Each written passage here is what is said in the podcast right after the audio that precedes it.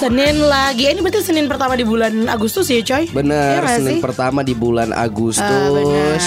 Dan juga Akademia Jogja keuangan masih aman ya, Harusnya, alhamdulillah. harusnya sih karena ini masih tanggal 5 gitu ya. Kecuali buat Akademia Jogja mungkin yang gajinya 5 koma. Waduh, Tanggal 5 sudah koma. Hmm, koma banget. Apalagi kemarin weekend sih, aku kan Ah. ke beberapa um, tempat yang seru di Jogja gitu ya. Ah, ah. Jogja awal bulan memang berasa banget. banget. Ke mana-mana Oh, ramai. oh, macet banget, macet banget. Kalau misalnya Akademia Jogja juga ada ada yang ikut kita kemarin eh, nobar movie Ah. time with the announcer. Itu baliknya tuh Cici juga. Aku baru cuma dari Hartono Mall sampai rumahku Jono Catur kan gak jauh ya. Ah. Macita, Muhtar, macet banget. Berapa jam tuh? Ya apa macet lah Macet saya. ya. Ah, macet. Estimasi udah kayak hitungannya dari Jogja ke Bandung lah macetnya. Enggak dong Pak, serem banget. Udah kita ngomongin macet-macetan Akademi Jogja, kita mau ngomongin yang eh, apa menjadi influence yang bagus untuk kita di awal bulan ini. Seperti biasa kalau di hari Senin kita kedatangan satu guru muda kita. Pakai muda loh sekarang udah diomongin sama dia. yang selalu memberikan wejangan-wejangan dan juga pelajaran yang sangat seru. Betul sekali kita sambit bersama. Eh jangan, jangan. Bu orang tua disambit dosa. Eh, Tadi katanya muda, Katanya muda apa muda. tua nih? Hah? Oh iya iya muda-muda lupa. Setengah-setengah Orang ya? muda Iya, bener. menuju ketua. Pak Guru Dewan selamat pagi. Selamat pagi Cici Dito Selamat pagi Akademi Jogja Iya, ini kita mau klarifikasi dulu sebenarnya tua atau muda nih Pak Saya Guru? masih tua Saya Oh, masih masih, tua. 20-an kok Oh, 20-an tua ya. saya baru denger saya masih tua. Eh, gitu, bingung loh. Pak Guru nih awal bulan kan? Yes betul Ini dari mukanya kayaknya masih bahagia-bahagia awal bulan sih kelihatan. Iya, masih lumayan lah, masih mencukupi lah awal-awal Oh, bulan dari ya kemarin kita ngomongin karyawan pengusaha kan. Ah, Ya, iya, iya. kita sebagai tim karyawan ya masih senang-senang aja lah ya. Ah, alah. Karena masih awal Senang bulan. aja. Ini tanggal 5 tunggu tanggal 15. Iya, Waduh. Apalagi tanggal 25. Nah, apalagi Pak Guru udah punya anak kan. Betul. Anaknya juga udah ngerti mana Bener. tanggal 1, mana tanggal 20. Ini Bisa bener-bener. kalau bocah tuh rewelin ntar di tanggal 20, Nah. 25 ya. Itu dia.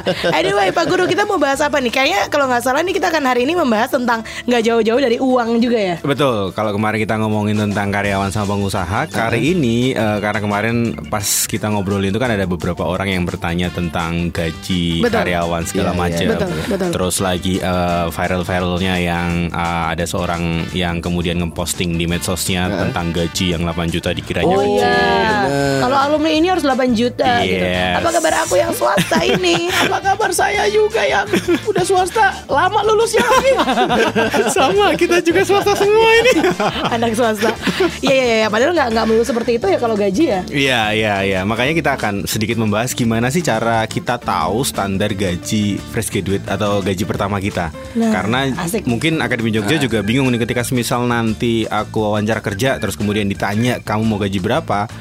Kan pasti ada kebimbangan ya. Iya. Nanti kalau aku ngomong sebuah angka dikira besar. terlalu besar atau kalaupun aku angka ternyata malah justru kekecilan Benar. dari standar mereka, dari standar perusahaan. Jadi Benar. berapa ini sebenarnya yang bisa kita sampaikan saat kita wawancara karena setiap orang pasti beda porsinya Betul. plus juga ju- eh, apa namanya tergantung juga perusahaannya Betul. ada perusahaan Iya, iya, yang mungkin yang si orang itu yang minta 8 juta eh, ada ada juga loh ternyata perusahaan yang menggaji fresh graduate itu lebih dari 8 juta itu ada juga Ah, benar benar benar. Iya benar. ya, jangan kan fresh graduate aku aja Cici aja yang istilahnya sama kayak Dito gini kita sudah bekerja beberapa tahun ini gitu ya, ya walaupun belum kelar juga kuliah, tapi sudah beberapa tahun ini bekerja. Kalau aku pribadi tuh, aku tuh belum tahu loh harusnya aku tuh pantasnya digaji Bener. berapa. Maksudnya kalau ditanya, Iya, iya. Cici gajinya sekarang udah pantas, misalnya gitu, oh ada orang bawah nih dengerin. Nah, jadi gak enak ya. udah pantas belum? Itu aku juga bingung kayak eh, ah, kayaknya udah tapi eh, bisa nambah nggak ya? Tapi ntar kalau nambah dibilang nggak tahu diri kayak gitu loh ya? Nah, makanya kalau nambah kita dibilangnya sok banget sih nih. Kita nambah padahal kinerjanya masih gini-gini Nah, gini. Tapi gitu. diri kita sendiri sih merasakan kayaknya masih kurang deh kebutuhan juga makin banyak Betul, segala macam. betul. Nah, ini yang berbahaya Pak Guru Deon. Betul, betul. Ya kan seharusnya apa yang kita lakukan gitu dalam keadaan seperti ini. Uh, tapi uh, aku mau nanya dulu deh. Uh, aku tuh pernah kayak baca tweet di Twitter gitu kan pasti kalau wawancara kerja tuh pasti ditanyakan dong, kamu maunya gaji berapa gitu. Iya. Atau misalnya mungkin perusahaannya kami gajinya segini, kamu bagaimana mungkin gitu ya. Itu uh, misalnya kalau ada bisa kita jawab, oh, ya udah deh terserah perusahaan ini aja. Itu sebenarnya katanya ngomongnya salah. Eh, salah Oh, karena di situ akan terlihat kemampuan public speaking kita terutama di bagian negosiasi karena kalau semisal kita "I- ya udah deh terserah bapak dari perusahaan mungkin ada dua sudut pandang yang pertama melihat bahwa ini anak kok gampangan sih istilahnya. Yang kedua, wah ini mumpung anak ini mau apa namanya terserah ya wes aku kasih gaji kecil. Bener. Berarti artinya dari dalam diri tuh kita harus eh, istilahnya tahu kemampuan kita, tahu ya tadi ya tahu situasi kondisi Iya, iya. sama berani ngomong. Taruh misalnya oh eh, Pak kalau saya emang biasanya saya 80 juta Pak. Gila 80 juta. Iya, Ya, eh. soalnya Apa saya anaknya Hotman Paris pak. Iya. Nggak, kalau nggak pakai cincin emas rasanya gatel pak tangan saya gitu. Aduh, saya kalau ke kamar mandi harus pakai cincin emas pak Ngapain ke kamar mandi pakai cincin, Mbak? untuk menghal menghalau setan. Susah amat. Berarti kita harus punya itu dulu ya, Iya, harus punya dulu ya. betul. Harus punya modal dulu berapa angka yang uh, wajar untuk kita sendiri. Nah, Oke, asik seru Toh, seru seru nih ya. Ci pembahasannya. Uh, uh. Sampai kita juga mau ngajakin Akademi Jogja untuk gabung uh, via WhatsApp di 0811 250 1017. Coba dong kamu ceritakan kalau kamu sudah bekerja nih ya, berapa gaji pertama kamu? Nah, kita flashback entah mungkin uh, kamu bekerja sebagai karyawan. Uh-uh. Mungkin nanti Dito sama Cici juga cerita ya. Benar, pertama boleh. kali kita dapat duit gaji ya, apa uh, pekerjaan sendiri, kerja sendiri, Uh-uh. bukan dikasih orang tua tuh nominalnya berapa? Uh tuh? banyak ratusan. ratusan rupiah tapi ya. Coba kamu kasih tahu berapa gaji pertama kamu atau kalau misalnya kamu belum bekerja nih kalau masih kuliah, coba kamu kasih tahu kalau kamu mengawang-awang kira-kira kamu pengennya gaji pertama kamu tuh berapa sih? Yuk kasih tahu Akademi Jogi kita bakal balik lagi jangan ke mana-mana tetap di Your Friends in the Morning. Lihat langit di atas Selepas hujan reda Dan kau lihat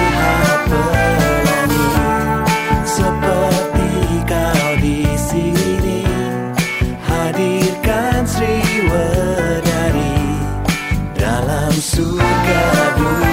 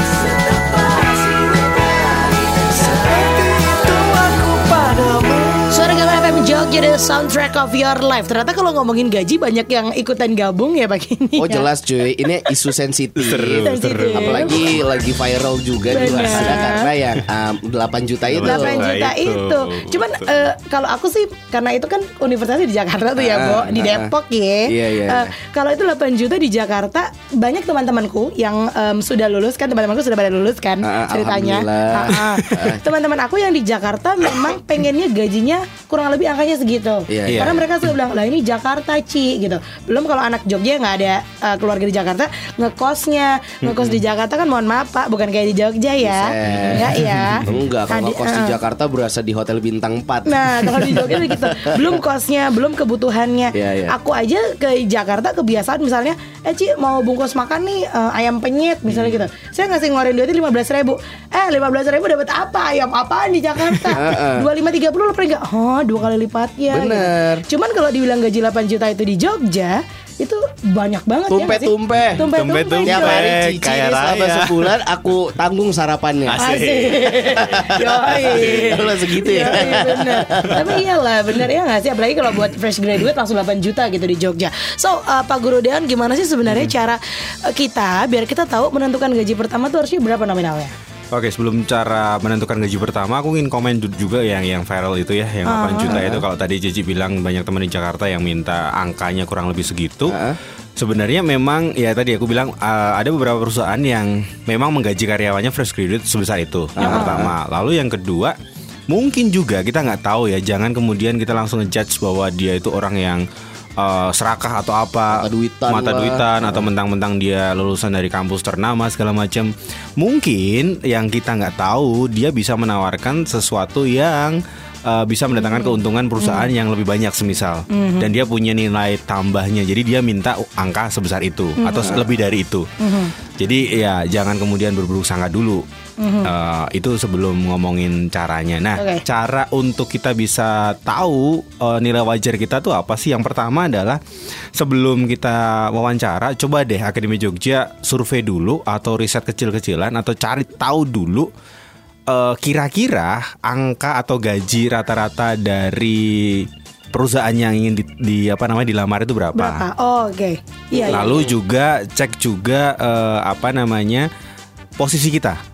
Karena setiap posisi kan beda-beda ya. Iya, Betul. iya. Eh, ada yang kecil, ada yang besar segala macam Betul, tergantung betul. posisi. Sama perusahaan perusahaannya sama, boleh sama, tapi beda posisi tentu akan beda gaji. Setuju Jadi itu di survei dulu. Zaman sekarang itu jauh lebih gampang. Coba deh searching di internet, kamu misal pengen ngelamar eh, Bank ABC, udah Iya, iya. Bank ABC posisi sebagai eh, accounting semisal, itu biasa akan muncul rata-ratanya. Benar benar. Itu banyak banget info. Kalau dulu zamanku Eh, cari Saya jadi pengen searching ah, gaji penyiar agama kita ada nggak ya di Google cari Iya benar juga sih. Coba kita searching habis ini ya Terus Akademi Jogja semua searching deh Jangan, gaji kita Lu bocorin. Duh Jangan dong, Akademi serem. Jogja pura-pura nggak tahu aja ya Jangan kita. Lanjut Lanjut ke Bank ABC yang kecap. Lanjut Oke, eh, kalau zaman dulu ketika aku mau ma- ngelamar kerjaan gitu ya, aku cari karena zaman dulu bu- belum sebanyak itu informasinya. Yang aku bisa lakukan adalah datang ke kampus, kemudian masuk ke ikatan alumni. Ya, di alumni itu kan banyak banget Iya, akhirnya apa namanya? ya. Iya, kakak-kakak kelas kita yang sudah lulus dan yang sudah bekerja di perusahaan ABC itu. Iya, Ya iya. udah deh, kita minta sama bironya untuk boleh nggak minta kontaknya atau seperti apa? Agak repot ya agak repot dulu. Jadi bener-bener eh, harus tanya per apa namanya per person gitu loh. Orang. Jadi supaya kita ketika ngelamar ketika wawancara nggak salah menyebutkan angka.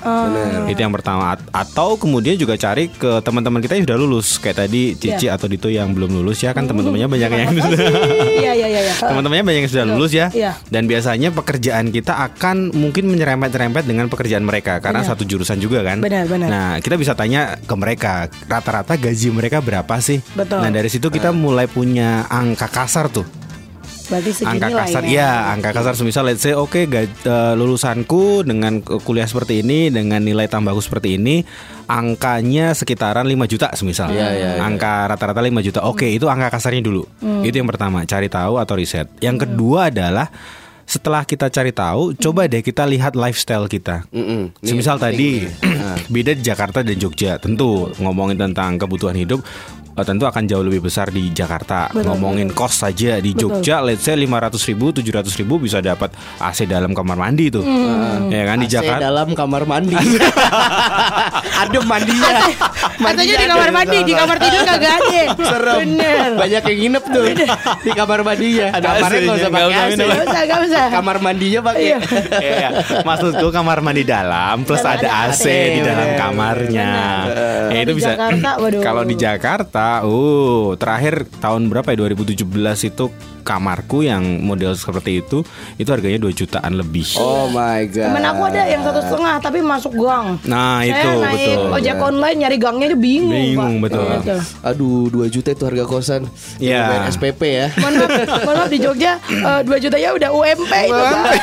Sedih banget. Aduh Iya, Makanya lihat juga kebutuhanmu seperti apa. Yang pertama mungkin tempat tinggal, kemudian makan. Iya, harga makan. Makan yang tadi Cici 15.000 ribu di Jogja udah dapat ayam penyet. Di Bener. Jakarta jangankan ayam penyet. Ya Iya. penyetannya aja belum dapat gitu Iya, loh bener. 15.000 ribu. Tahu penyet paling. Ya Tahu lah mungkin benar. Dapat. Uang makan terus kemudian juga tabungan jangan lupa. Kan kita mau dong eh, nggak nggak pengen dong bekerja terus kemudian puluhan tahun kemudian dan kita nggak dapat apa-apa. Nah dan jangan lupakan juga sumbangsi kita sama orang tua. Oh, Oke. sisihkan sebagian untuk ya kirim baliklah ke kampung untuk orang tua. Berarti sebenarnya ada banyak komponen yang harus kita pikirkan juga selain Iya. apa kita tahu eh, sebenarnya standar gaji di perusahaan seperti itu posisi itu gimana dan kitanya butuhnya kita berapa gitu Betul, ya. harus dikalkulasi semuanya ya. Iya. Benar, sudah dihitung-hitung juga Benar. Baru nanti kita sebutkan nominal Nah. Angka gaji yang pengen kita ajukan Kita Iya. ajukan. Abis ini kita bakal ngobrol lebih banyak Akademinya Jogja. Gimana kalau misalnya kita udah nyebut angka, ternyata perusahaannya ngomongnya ketinggian atau itu eh, nggak cocok dengan mereka, kan kita harus nego-nego tuh. Benar Abis ini kita ngomongin lebih lanjut masih di sekolah Senin ya.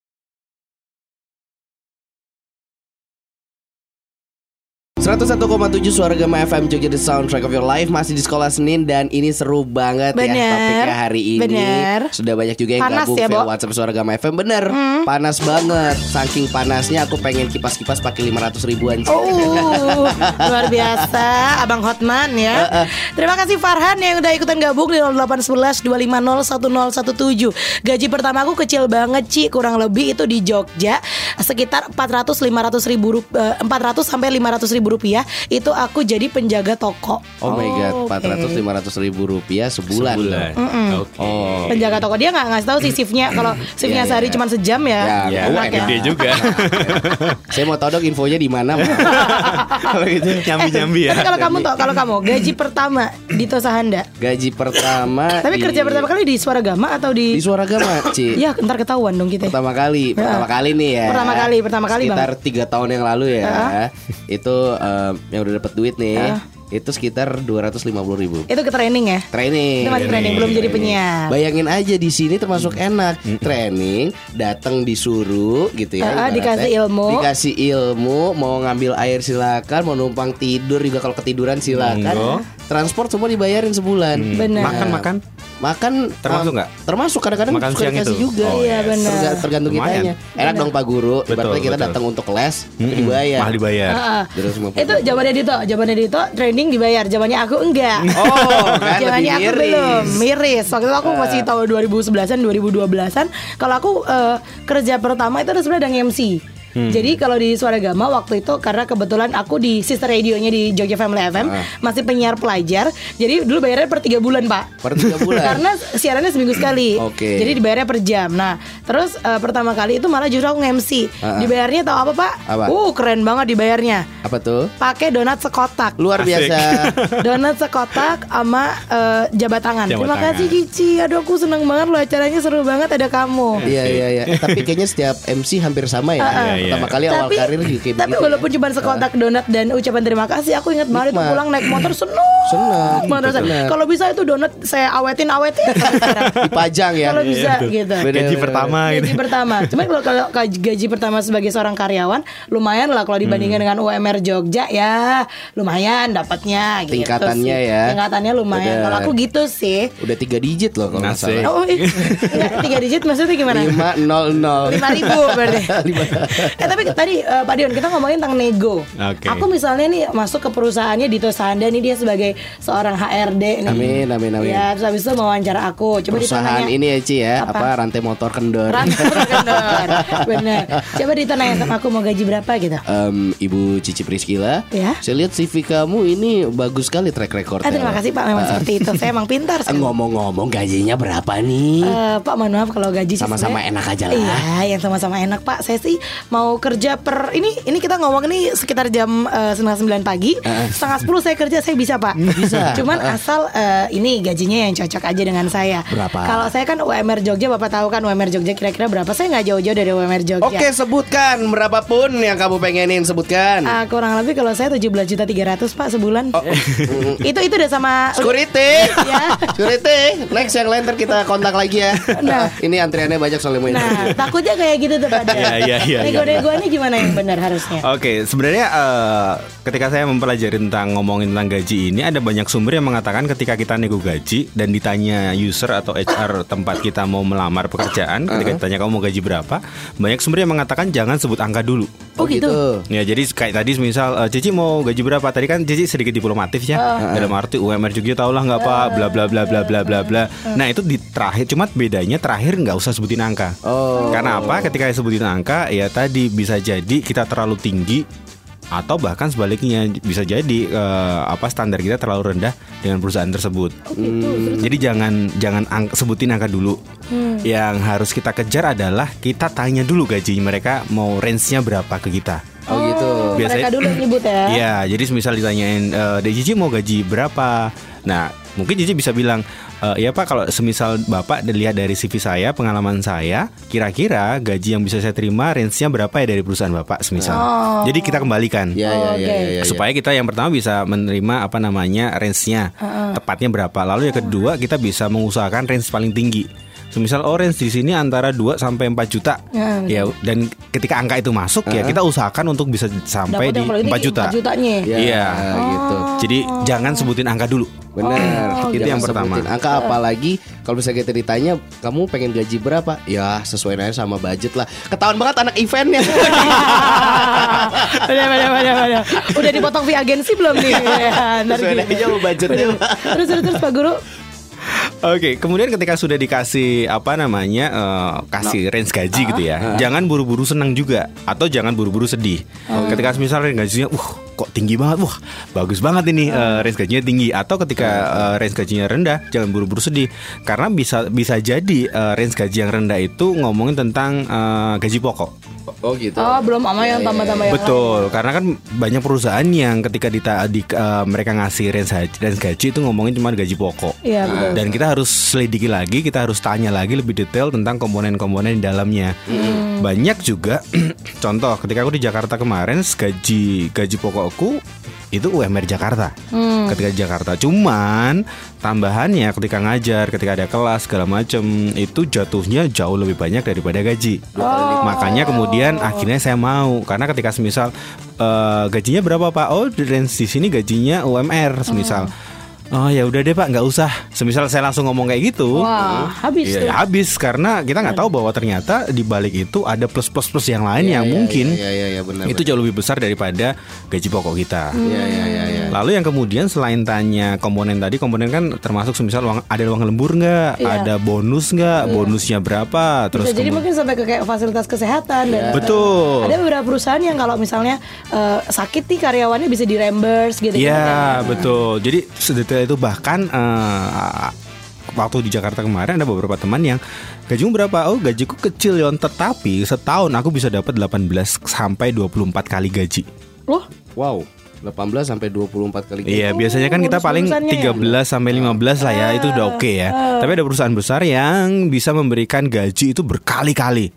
Wow. Jadi semisal ketika semisal di akhir tahun dicek segala macam ternyata keuntungan perusahaan gede nih. Nah, Target keuntungan itu gitu. targetnya achieve segala macam dibagi keuntungan dibagi ke uh, karyawannya, ke stafnya segala macam dan itu besarnya bisa sampai 5 bahkan sampai 10 kali gaji. Oh, gokil.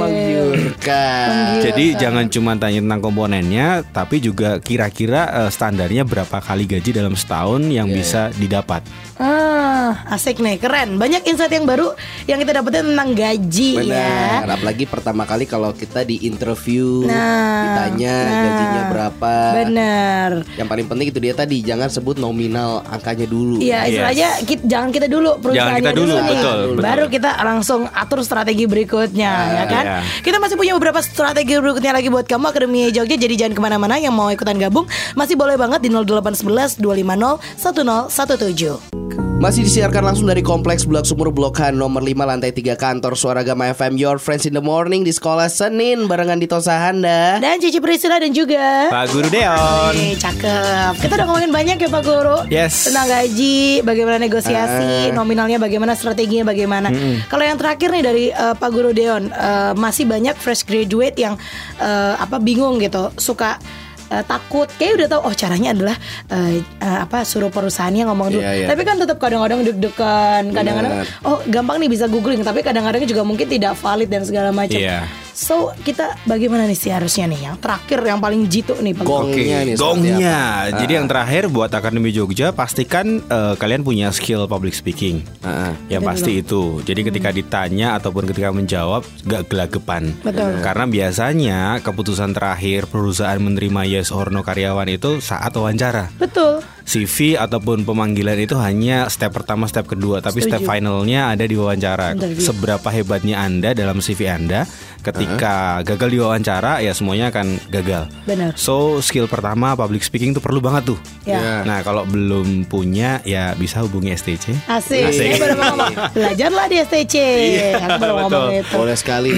Ngomongin tentang bagaimana kita bisa menjual diri kita, menjual dalam tentu uh, positif ya. Betul. Sesederhana misalnya kontak mata. Gitu. Iya. Diajak ngomong sama bapaknya, bapaknya depan kita, kita ngeliatin apa langit-langit, ruangan, ngeliatin bawah, sesimpel kayak Betul. gitu. kan Bahasa tubuh. Bahasa ketika kita tubuh. lagi bercerita.